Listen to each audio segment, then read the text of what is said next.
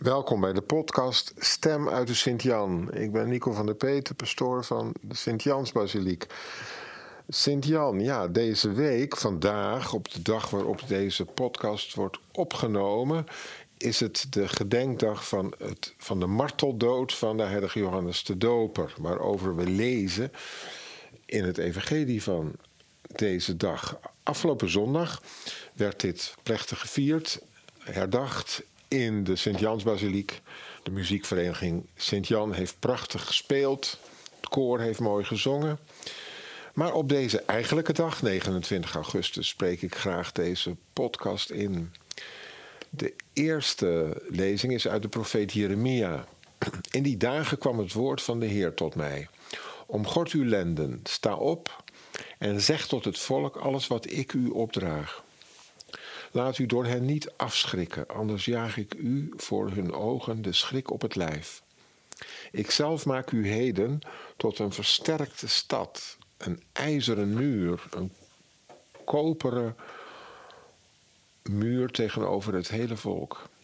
Voor de koningen en edelen van Juda, de priesters en de burgers van het land. Ze zullen u bestrijden, maar niets tegen u vermogen. Want ik ben bij u om u te redden en uit de tweede brief van Paulus aan de Corinthiërs. In alle omstandigheden proberen wij ons te gedragen als dienaars van God door het standvastig verduren van ontberingen, nood en ellende.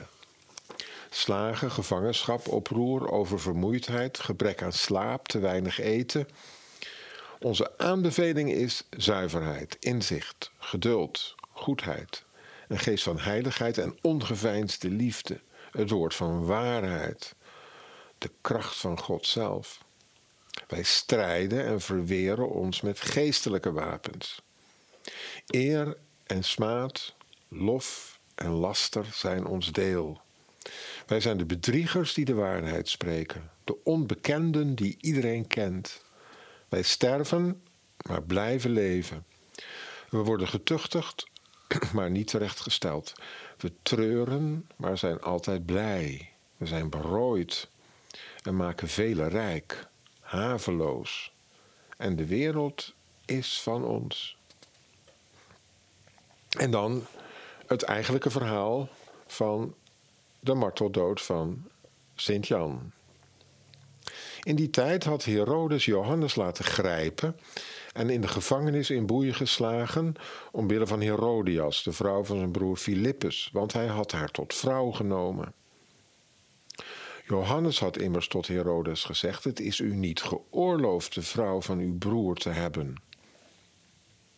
Herodias was daarom op hem gebeten en wilde hem doden, maar ze kreeg geen kans, want Herodes had ontzag voor Johannes. Hij wist dat hij een rechtschapen en heilig man was en nam hem in bescherming. Telkens wanneer hij hem gehoord had, verkeerde hij in twee strijd, maar toch luisterde hij graag naar hem. Er kwam echter een gunstige dag toen Herodes bij zijn verjaardag een maaltijd aanrichtte voor zijn hoogwaardigheidsbekleders, zijn hoofdofficieren en de vooraanstaanden van Galilea. De dochter van Herodias trad op met een dans en ze beviel aan Herodes en zijn tafelgenoten. De koning zei tot het meisje: Vraag me wat je wilt en ik zal het je geven.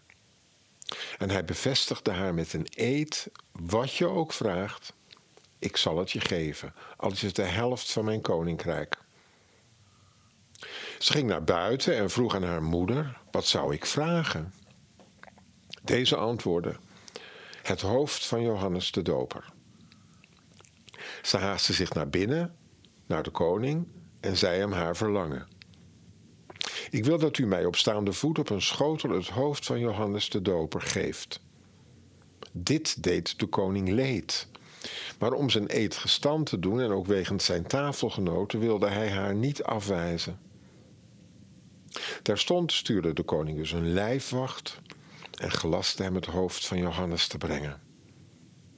De man ging en onthoofde hem in de gevangenis. Hij bracht het hoofd op een schotel en gaf het aan het meisje. Het meisje gaf het weer aan haar moeder. Toen zijn leerlingen ervan gehoord hadden, kwamen ze zijn lijk halen en legden hem in een graf. Twee momenten uit het leven van de heilige Johannes de Doper viert de kerk. Hij is, behalve de Heer Jezus zelf en Maria, de enige van wie wij de geboorte vieren. Van alle andere heiligen gedenken wij alleen de sterfdag, hun geboorte tot het eeuwig leven. Van Johannes dus ook de geboorte op aarde op 24 juni. We hebben dat hier in Laren ook dit jaar weer groots gevierd met de processie. En vervolgens gedenken wij zijn levenseinde. En wel op 29 augustus. Hier in Laren hebben we dat alvast de vorige zondag gevierd. Johannes stierf niet in bed. Het was hem zelfs niet vergund weg te kwijnen in zijn cel onder het koninklijk paleis van Herodes, maar onder het zwaard van zijn beul, die zijn hoofd afsloeg. Zijn onthoofding was het dramatisch dieptepunt van een macaber spel van macht en begeerte. Dat ten diepste een strijd was om de waarheid. Zoals vorige week in Nigeria, waar hardwerkende boeren, vaders van gezinnen, onthoofd werden door mensen die in de greep zijn van een giftig mengsel van machtspolitiek en een intolerante religieuze overtuiging. De waarheid staat onder druk. Zoals ook soms in ons land. Wie zijn diepgevoelde overtuiging, wie de waarheid verkondigt zoals zijn geweten hem gebiedt, krijgt nogal eens te horen dat die waarheid ook maar een opinie is.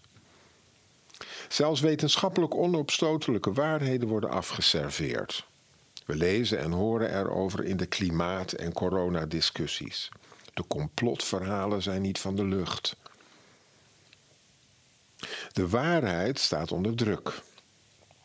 Johannes was geen diplomaat. Hij bedekte het gewetenloze handelen van Herodes niet met de mantel der liefde. Hij meende hardop te moeten zeggen wat iedereen wist en dacht en in zijn hart veroordeelde, maar verzweeg omwille van de lieve vrede. Rust in de tent is beter dan de waarheid, vinden niet weinige bestuurders in maatschappij en ja, vonden sommigen ook in de kerk. Gelukkig heeft tenminste onze kerk daarvan geleerd door schade en schande. Veel te lang bleef wat ten hemel schrijend was onder de pet.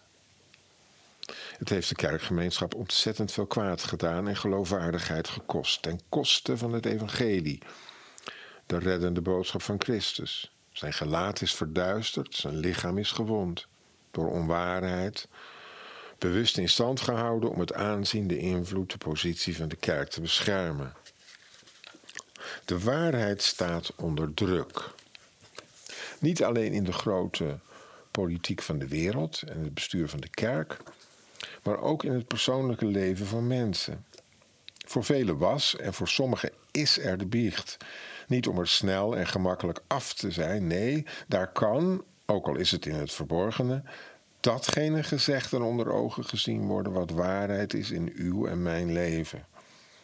Voor God die ons hart kent en onze waarheid over onszelf ons gunt. Nu lopen mensen er soms mee rond en missen het begrijpende, vergevende woord van Christus, die ons verzoent met onszelf, de naaste en met God. We vieren de marteldood van Johannes. Hij is de eerste volgeling van Jezus die zijn leven heeft verloren om zijn trouw aan Christus. Martelaar, martyr, betekent getuige zijn. Getuigenis afleggen van de waarheid. Dat is niet alleen iets voor een ijzeren zuil als Johannes. Dit martelaarschap wordt van ons allen gevraagd, hopelijk niet tot bloedens toe.